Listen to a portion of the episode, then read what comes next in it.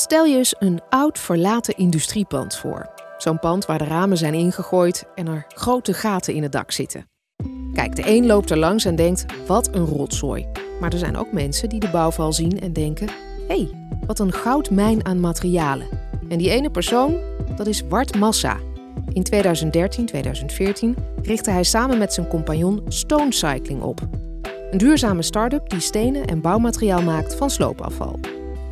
Mijn naam is Annette van Soest en in de podcastserie Stappenmakers hoor je ondernemers stappen maken. Omdat ze kansen zien, willen groeien of omdat ze moeten.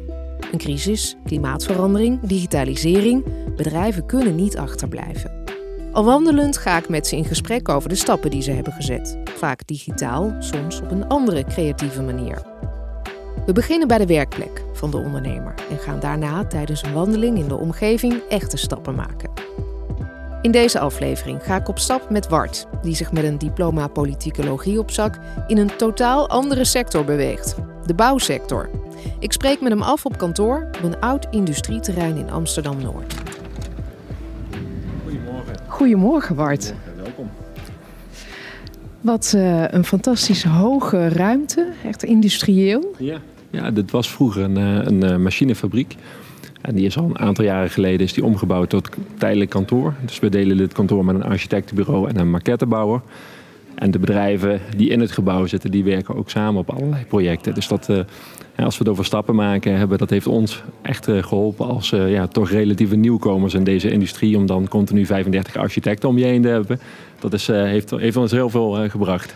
Laten we even naar achteren lopen, want volgens mij zie ik daar al wat van jullie bouwmateriaal. klopt. Klopt, inderdaad. Ja. Ja, vanuit hier, vanuit Amsterdam, uh, uh, hier ontvangen we vooral uh, klanten. Dus doen we de sales en de marketing. En de producten die we maken, die worden geproduceerd in een fabriek bij Arnhem in de buurt. Oké, okay, ik zie hier een, een grote wand met allerlei stenen. Ja, klopt. Het zijn dus allemaal ehm, gevelstenen of steenstrips gemaakt van minimaal 60% afval. Met name bouw- en slopenafval. En wat we proberen te doen bij Stone Cycling is om aan de ene kant duurzame bouwmaterialen te maken met zoveel mogelijk afval, maar aan de andere kant ook hele mooie of bijzondere materialen te maken. En dat is wat je daar ziet, dus allemaal die verschillende kleuren, texturen, ja, die, die dragen weer bij aan hele toffe gebouwen of, of interieurs. Kan je eens wat van dichtbij laten zien? Ja. Want bijvoorbeeld deze steen heeft een heel mooi groen kleurtje. Ja, ja het is een bijzondere steen. Uh, wij noemen deze steen de wasabi. Dat zie je ook wel hè, door de, de wasabi-achtige glaskleur die daar bovenop zit. En uh, deze steen is ooit eigenlijk bedacht als een foutje in het laboratorium. Dus mijn collega Tom van Zoest, die de productontwikkeling doet, die is continu bezig in het laboratorium om nieuwe producten te ontwikkelen. En uh, in één keer kwam er een groene steen uit, waarvan we niet wisten wat we ermee moesten. En dat was ook niet de bedoeling. Maar toen hebben we hem gehouden en inmiddels hebben we een aantal projecten gedaan met deze wasabi. En het toffe is, hè, er zit dus een, een glaslaag van gerecycled glas in, dus oude wijnflessen bijvoorbeeld. Dat als je deze in de gevel doet en het licht verandert gedurende de dag, dat ook die hele gevel van kleur min of meer verandert. Dus dat ziet er, ziet er al snel spectaculair uit. Oké, dat is dus de wasabi. Nou, zo zie ik er een hele uh, hoop andere, uh, ook een paars gekleurde.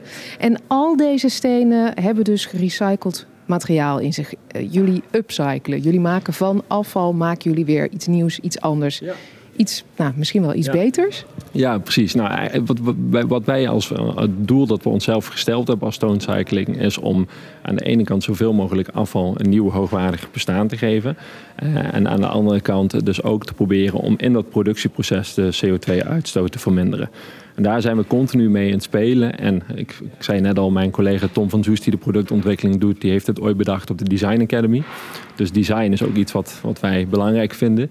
Uh, dus uh, daarbij komt dan ook nog dat we proberen om hele bijzondere materialen te maken.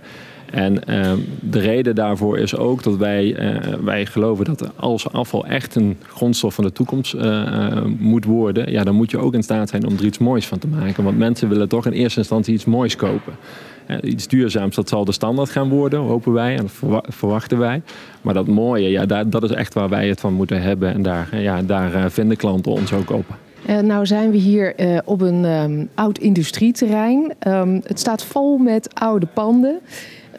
Goudmijn, denk ik dan. Voor een bedrijf als dat van jullie dat oude stenen upcycelt. Gaan, gaan je handen jeuken als je hier rondloopt in de buurt? Nou, ehm, kijk, als je er zo naar kijkt, dan is de halve wereld een goudmijn. Uh, en misschien is dat ergens wel zo, maar het is wel bijzonder. De, de locatie waar we nu zijn in Amsterdam-Noord, het gedempt Hamerkanaal. Uh, dit gaat allemaal gesloopt worden. Dit zijn oude fabriekspanden en daar komen in de aankomende vijf tot tien jaar mooie hoge woontorens te staan. En ik denk, uh, het, het, wordt steeds zichtbaarder, maar heel lang heb ook ik gedacht, hè, als je iets weggooit, je sloopt een gebouw of je gooit iets in de prullenbak, het wordt opgehaald en het bestaat niet meer. En zo is het natuurlijk niet. Dat materiaal gaat ergens naartoe. En uh, als, uh, wij, hebben, wij doen wat onderzoek naar hoeveel materiaal is dat dan. En we praten alleen in Nederland al over 25 miljoen ton op jaarbasis. Het is zo'n gigantische hoeveelheid uh, dat het heel veel stone cyclings behoeft om, om dit afval weggewerkt te krijgen. Uh, dus dat is de ene kant van het verhaal. De andere kant van het verhaal is ook dat de manier waarop we slopen, ja, die begint langzaam te veranderen. Dus we, bedrijven zoals wij, wij kunnen dit materiaal verwerken op het moment dat het goed gesloopt is en al goed gescheiden is. Uh, maar dat is heel vaak nog niet het geval. Dus als je dit gebouw zou slopen, ja, dan heb je een mengelmoes van beton, keramiek, staal, isolatiemateriaal. Uh, nou, zolang er een mengelmoes is, dan is het moeilijk om her te gebruiken. De kunst zit het om inderdaad goed te, scheiden, en, zodat het weer echt een grondstof gaat worden. Bart staat dus niet alleen voor de uitdaging om zijn bedrijf gezond te laten groeien. Hij heeft ook te maken met een bouwsector die nog moet leren hoe ze goed moeten slopen, sorteren en recyclen. Niet één, maar twee uitdagingen dus. En dan hebben we het nog niet eens over een andere belangrijke factor gehad: geld. Laten we even een rondje lopen en het hebben over de stappen die jullie hebben gemaakt. Want als je naar de bouw kijkt, hè, dan wordt er toch nog vooral gekozen met de portemonnee, toch? Ja, zeker, zeker. Ik denk dat dat uh, met name, wij doen een, een, best wel een aantal landen uh, doen wij zaken. We hebben inmiddels in tien landen projecten gerealiseerd. En ik vind Nederland wel een van de moeilijkere uh, landen waar, waarbij de kostprijs bijna altijd leidend is. En dat heeft heel veel, factoren, er zitten heel veel factoren die, dat, waarom dat, dat zo is. Maar dat maakt het voor bedrijven zoals ons wel, wel echt een uitdaging. Wacht even zo hier rond dat om de slagboom heen. Um, dat maakt het dus lastig. Op welke manier? Moeten jullie nog steeds vechten om het product wat jullie maken aan de man te brengen? Absoluut, absoluut. Wij moeten echt voor elke opdracht uh, moeten wij uh, knokken. Voor interieuropdrachten ietsjes minder dan voor, uh, voor de gevel van een gebouw. Ehm, ja, en wat, wat, wat, wat ik heel. De, de fases die ik heb gezien. Wij doen dit nu. Ben nu, nou, ik denk, zes, zeven jaar hier actief mee bezig. En ik, ik zie wel echt dat het aan het veranderen is. Dus we hebben een hele periode gehad van, van pakweg vijf jaar sinds dat wij begonnen zijn. Dus dat is, laten we zeggen, 2014, 2018, 2019. Waarbij onze klanten vooral mensen waren die het intrinsiek belangrijk vonden. Dus dat, zijn, uh, dat kunnen particulieren zijn of uh, misschien idealistische projectontwikkelaars. Die, die het gewoon belangrijk vinden en die snappen dat we echt met z'n allen op een andere manier met grondstoffen en afval om moeten gaan. Uh, maar dat is een relatief kleine groep mensen. En dat zijn eigenlijk hele fijne klanten, want je kunt met die klanten echt in gesprek gaan en samen iets ontwikkelen en eerste projecten realiseren. De afgelopen twee jaar zie ik langzamerhand een, een kentering ontstaan waarbij wij benaderd worden door type klanten die het misschien niet intrinsiek willen of belangrijk vinden, maar die het wel aan het doen zijn omdat bijvoorbeeld gemeentes of overheden eisen stellen aan bepaalde gebouwen die gebouwd worden. Uh, of omdat de duurzaamheid van de ambities van de bedrijven aangescherpt zijn, waardoor dit nu wat meer uh, plaatsvindt. Dus dat, maakt het ietsjes makkelijker af en toe om te verkopen. onze producten staan bijvoorbeeld ook op de milieulijst van de Nederlandse overheid, waardoor kopers een, een fiscale subsidie kunnen krijgen. Dat helpt ook wel een beetje. Maar we moeten natuurlijk toe naar een speelveld waarbij duurzame materialen net zo aantrekkelijk zijn, of aantrekkelijker zijn dan, dan minder duurzame materialen. En dat heeft echt te maken met uh, ja, prijsvorming en wat bereken je wel en niet in de prijs. Hè? Als ik een klein voorbeeld kan geven, stel uh, die, die stenen van ons die worden gebakken in een oven en wij maken gebruik van bosgecompenseerd gas. Dus hè, het gas wat je verbrandt, de uitstoot wordt gecompenseerd met het planten van bomen. Dus het bakken is ook al veel duurder? dat type gas is duurder, want er zit een premie op om bomen te planten, inderdaad. Het feit dat wij dat doen, maakt ons duurder. Maar als iemand anders dat niet doet, is hij dus goedkoper. Maar klopt dat dan wel? Hè? Want uiteindelijk, ja, die uitstoot die vindt wel plaats. Maar uh, waarom zagen jullie uh, jaren geleden dus al dan ruimte voor duurzame en dus ook duurdere producten? Nou, ik denk niet dat wij uh, per se ruimte zagen. Uh, het is best, we zijn best wel naïef begonnen. Uh, dat geldt voor mijzelf, maar ook voor mijn collega Tom. We hebben geen achtergrond in de bouwwereld. Inmiddels lopen we natuurlijk al aardig wat jaren rond. Maar zeker toen, ja, we zijn gewoon begonnen omdat wij zagen aan de ene kant hè, dat er zoveel afval beschikbaar komt elk, elk jaar dat gebeurt aan de ene kant. Maar aan de andere kant zie je ook dat voor het maken van nieuwe bouw, bouwmaterialen heb je grondstoffen nodig. Ruwe grondstoffen, bouwzand, uh, kiezelsteen, ja, grind, noem maar op. En we zien dus ook aan die kant tot dat soort grondstoffen schaars beginnen te worden, schaars zo beginnen te worden, of tot het winnen van die grondstoffen een negatieve impact, impact heeft op, op ecosystemen. En vanuit die gedachte zijn wij gaan werken en hebben we gedacht van ja, maar als er zoveel afval beschikbaar is, moeten we dat dan niet proberen om te zetten in materialen die we terug die bouw in kunnen. Redelijk naïef gedacht. En uh, gaandeweg zijn we er ook achter gekomen dat het natuurlijk helemaal niet zo makkelijk is. Ik bedoel, eh, het, het, de ene kant van het verhaal is een product ontwikkelen wat werkt. Maar de andere kant van het verhaal is product verkocht krijgen. En zeker in de bouwindustrie, ja, goed, het is, het is een industrie met hele lange tijdslijnen. Wij praten soms met architecten en dan pas vijf, zes jaar later wordt dat gebouw gerealiseerd. Dat moet je kunnen overleven als, als, als jong bedrijf. Uh, maar het is ook een industrie waarbij ja, uh, risico's vermeden moeten worden, omdat de kwaliteit van een gebouw voorop staat. Risico vermijden en innovatie. Ja, het is natuurlijk geen gelukkige combinatie, want wie wil innoveren moet risico nemen. De aanloop naar de eerste echte klant was voor Stone Cycling dan ook een lange. Voor ons is het echt de uitdaging geweest om de type opdrachtgevers te vinden. Wij noemen dan de, de early adopters bijvoorbeeld. De type architecten die zeggen wij vinden dit belangrijk, wij vinden dit tof. Maar ook de projectontwikkelaars die uiteindelijk dus betalen, die zeggen nou wij geloven hierin, wij vertrouwen dit en we gaan het gewoon doen. En dan sluit die aannemer, die voert het uit, die gaat het dan wel oppakken. En dat, dat is echt een hele uitdaging geweest om dat voor elkaar te krijgen. Maar inmiddels hebben we meer dan 50 projecten gerealiseerd. En dan gaat het ook wel een stukje makkelijker. Ja, maar in het begin dus echt wel tegen een muur opgelopen. Ja, dit vond ik zelf een hele leuke woord gehad. Dus... Op die manier. Uh, uh, nou, tegen de, we lopen nog steeds tegen muren op als je het zo wil uh, zeggen. maar het, het, het, het, het grappige is, wat ik wel heel mooi vond... We hebben heel veel in het begin vaak gepraat met grote ontwikkelaars. Uh, die uh, vonden het moeilijker om die stap te nemen. En uiteindelijk is ons eerste project zijn twee, twee jonge architecten uit Rotterdam van architectuur maken, Ferry en Nina, die hun eigen woning hebben gebouwd. Voor eigen rekening en risico. Zij zijn gewoon de eerste geweest die dit gedaan hebben. Terwijl de grote ontwikkelaars die dat risico misschien beter zouden kunnen dragen, dat toen nog niet wilden. En gelukkig is dat nu wel anders. Wij hebben nu echt hele fijne samenwerkingen met zowel aannemers als, als uh, grote ontwikkelmaatschappijen. Even een zijpaadje, want jij hebt zelf politicologie gestudeerd. Hoe kom je in de stenen terecht?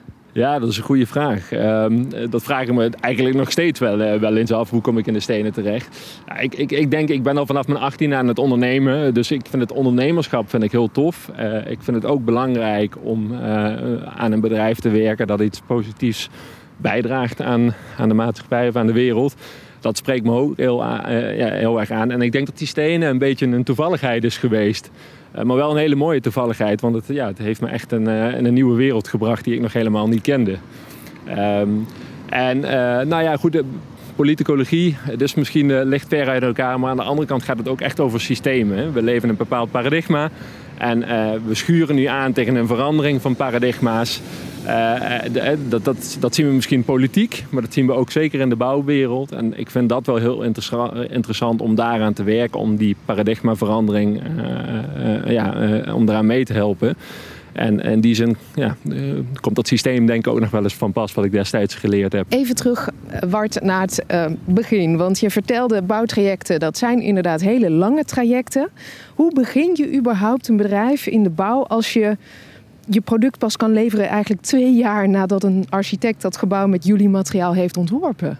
Ja, de vraag is, als je dat weet, of je dan wel begint. Uh, ik denk dat ik best kan stellen dat wij zo naïef waren dat we dachten dat het allemaal veel sneller zou gaan. Uh, wij zijn maar, ik, ik, we hadden het er laatst nog een keer over met, het, met de collega's, dat die naïviteit, tot dat misschien toch wel een eigenschap is die je nodig hebt als ondernemer of misschien als innovatieve ondernemer, omdat ja, als je het plat slaat, dan, en we wisten dat allemaal van tevoren, waren we er misschien wel niet aan begonnen. maar het feit dat we begonnen zijn en dat we toch steeds stapjes verder kwamen, ja, dat heeft ons gebracht waar we nu zijn. Maar je kan, je kan je voorstellen, toen wij ons product lanceerden in de markt in 2015 of 16 toen zeiden de architecten, ja, interessant, we gaan met jullie product werken. En wij dachten, oh tof, nou dan gaan we verkopen. En toen pas kwamen we erachter van, oh shit, er zitten nog zoveel stappen tussen. Maar jullie hebben dus in het begin heel veel kosten moeten maken. Ja, ja, nee, absoluut. Ja, klopt. ja, dus we hebben ook al vrij snel hebben we, uh, investeerders naar binnen uh, gehaald. Dus we zijn we actief uh, gaan zoeken naar investeerders die ons zowel inhoudelijk verder konden helpen als financieel verder konden helpen. Eh, en daarmee hebben we al deze ontwikkelstappen kunnen zetten. De, de projecten die we nu verkopen, even om een gevoel te krijgen, ja, dat, dat is een resultaat van de salesinspanningen van 2018 bijvoorbeeld. En die investeerders, hè, dat zeg je heel erg alsof dat de normaalste zaak van de wereld is. Die hebben we gewoon gevonden, die hebben we erbij gehaald. Hoe doe je dat?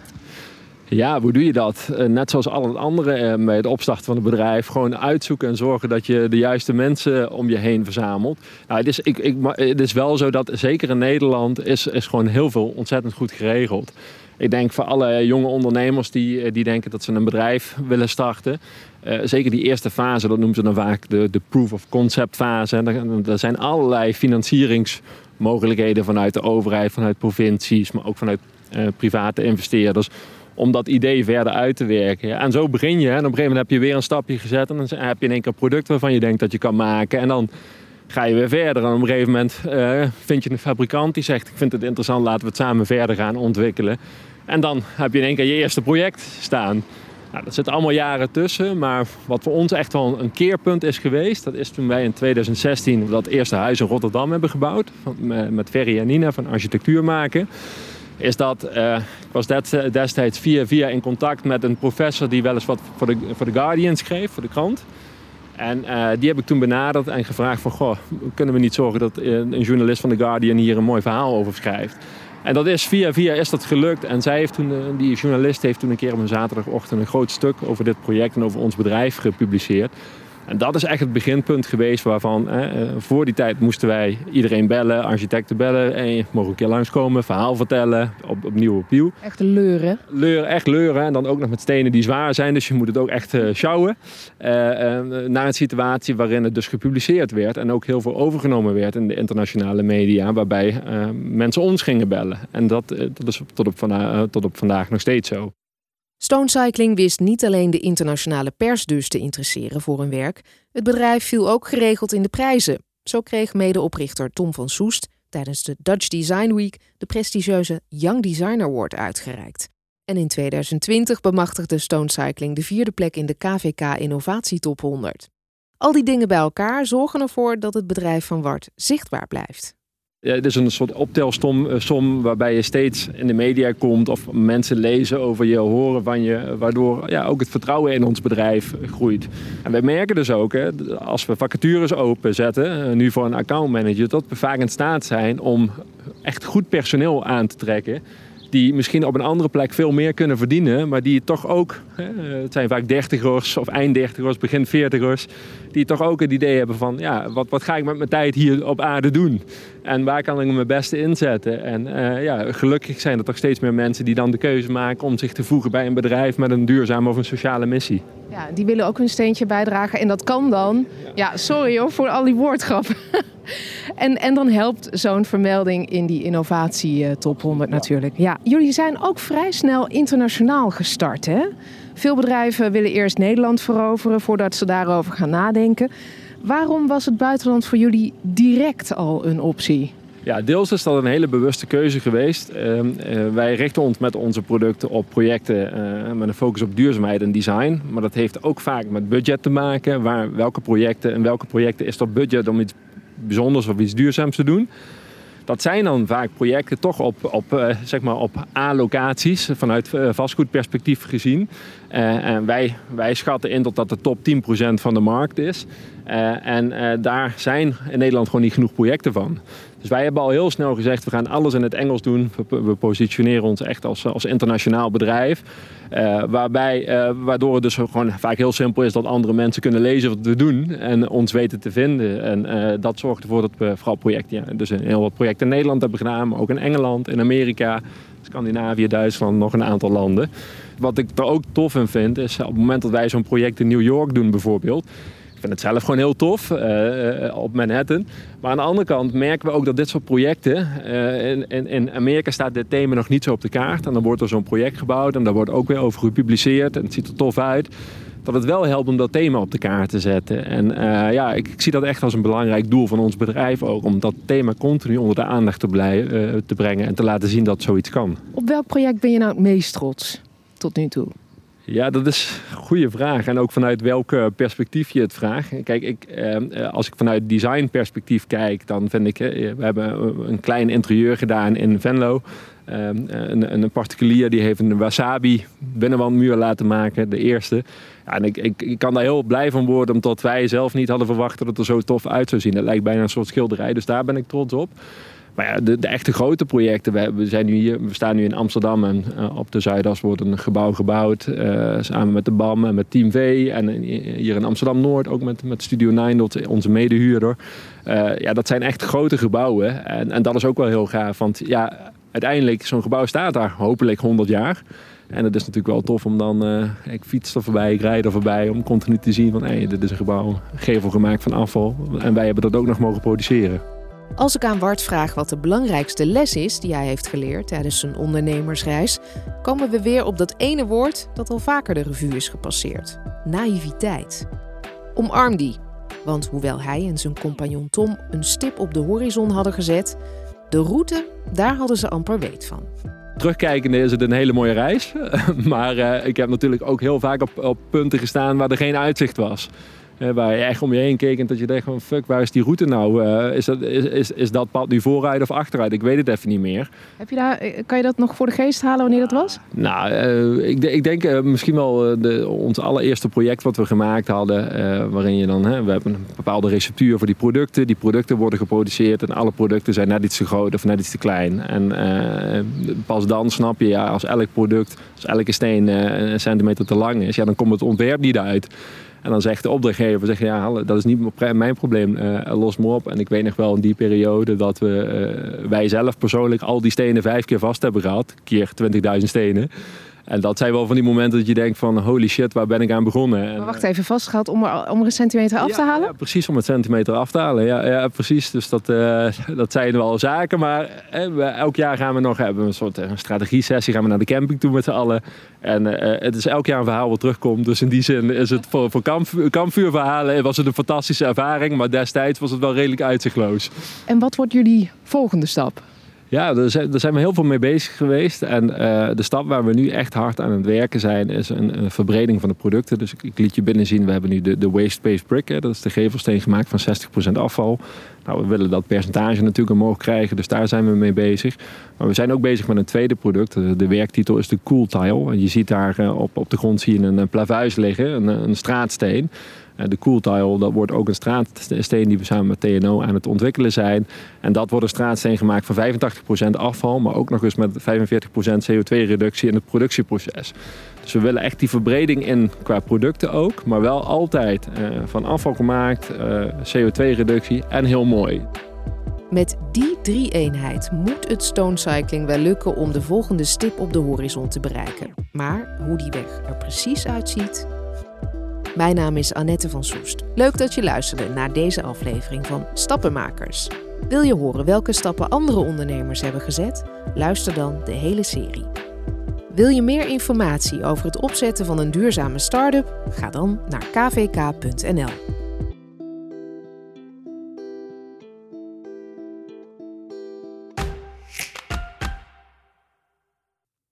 In de volgende aflevering praat Annette van Soest met Louis Vlaarkamp, eigenaar van vintage designwinkel Neef Louis.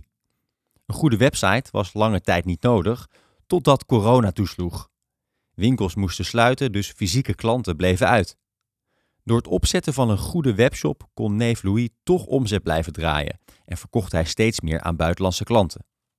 Annette ontmoet hem in zijn winkel in Amsterdam, Noord, en vraagt hem naar de stappen die hij hiervoor heeft gezet. Hoe is jouw werk veranderd? Welke digitale slag heb je gemaakt? Ja, we hadden al eigenlijk een, uh, waren we flink mee bezig om uh, een goede website in de lucht te krijgen die uh, internationaal bezocht kon worden. Dus met eh, de taal instellen, van Engels tot het Taiwanese, zeg maar, of het Chinees. En eh, dat is een hele goede, net op tijd eigenlijk gelanceerde website die eh, modern was en eh, die ook internationaal bezocht wordt. Was jouw website al een webshop? Of was het eigenlijk meer een online winkel waar je vooral even kon rondneuzen? Ja, die, die online winkel waar je gewoon rond kon neuzen en eh, inspiratie op kon doen, eh, hadden we eigenlijk net klaar. Dus wel met een winkelwagentje en een betalingsmogelijkheid. Dus dat was ook eigenlijk net eh, voor de corona voor elkaar. En dus ja, ik was er klaar voor. En het was dan eigenlijk bij toeval dat we, ja, dat we zover waren. En eh, met heel veel investeringen. En, eh, ja, dat, en het werkte. Dus eh, je kon die mensen gewoon terugmailen en transport regelen. En de betalingen konden gewoon via bank overgemaakt worden. Dus het was fantastisch. Is alleen maar pelletjes dus. meubelstukje erop. Stoelen, banken, kasten. Ja, die gingen over de hele wereld. Ja. Gingen mensen ook meer kopen omdat ze eh, aan huis gekluisterd waren? Ik, eindelijk hadden ze eh, tijd, maar ook, ja, wij ook tijd om bepaalde dingen te fotograferen. Hadden hun tijd om dus te kijken wat, wat, eh, ja, wat ze echt behoefte aan eh, hadden en waar hun eh, eh, keuze in, in, in unieke meubelen, eh, ja, hebben ze me kunnen vinden. En eh, daar hebben ze eh, ja, dankbaar gebruik van gemaakt. Ja, ja. Dus eigenlijk heb jij een heel goed jaar gedraaid als ik het zo hoor. Nou, het is ook overleven natuurlijk. Hè. Het is, dit is, eh, we, we hebben ge- geen eh, grote minnen gehad. Misschien dat ik 20% minder heb gedraaid dan voorgaande jaren. En dat je dan zonder ontvangst van mensen, dat vind ik eigenlijk best wel uniek. Ja, ja dus normaal lopen hier honderden mensen binnen. En ja, dat had ik dan niet. Maar ik was er dus eh, met twee of drie man en, en eh, deden we het. Ja, dus eh, in plaats van een team van vijf, zes, zeven man, had ik, ja, waren we met z'n drieën of met z'n vieren. Ja. Zitten er voor de klant ook voordelen aan het feit dat ze die spullen kunnen bekijken op de website in plaats van hier in de loods? Ja, ik denk dat dat echt wel een mooi focuspunt is. Dat je als je van een item of een mooi meubelstuk foto's maakt. Dat je inderdaad, als je achter je computer ziet en mijn fotograaf al die mooie verbindingen en die materiaalkeuzes en ook de patina, hoe het eruit zit na, na 50 of 100 jaar, dat je dat echt naar je toe kunt trekken. En dat is een heel groot voordeel. Dat, eh, als je er langs loopt, zie je dat soort dingen allemaal niet. Dus je kent het van boven tot onder. Hè? Dus dat is een heel groot voordeel dat je met een website alles kan laten zien wat het meubelstuk eh, heeft. Ja, dus dat is, Je kan onder die stoel kijken, je kan inzoomen, je kan eigenlijk veel meer zien dan hier. ja, dat is, dat is eigenlijk uniek. Ja, is prachtig. Ja, dat is de nieuwe wereld. In december dus eh, gingen de winkels opeens dicht. Hoe hebben jullie dat moment beleefd? Ja, nou, toen hebben we echt de koppen bij elkaar eh, gestoken en zeggen jongens, nou, oké, nou gaan we dicht. En nu gaan we harder werken. Want, hè, er zijn zoveel dingen die nog niet aangeraakt zijn om op, op de foto te zetten of te restaureren. Dus nu de kans. Nu kunnen we inderdaad pas al die spullen die we verzameld hebben, om die eh, ja, uit de doeken te doen. En wat, wat markeert er dan aan? En, en eh, ja, we hebben het allemaal gefotografeerd. Honderden items. Eh, die fotograaf is dag en nacht aan het werk geweest. En ze waren met z'n twee of drie man, waren alle foto's aan het bewer- bewerken. En, ja, dus dat was eigenlijk, eh, ja, was ik daar ook heel blij mee om dat een keer. eh, en dat weet je ook dat het iets unieks is en dat het energie kost dat het, om het op te knappen. Daar had je nu tijd voor, ja, dat is heerlijk. Je ging dus steeds meer digitaal doen. Kwamen er daardoor ook dingen op je pad die totaal nieuw voor je waren?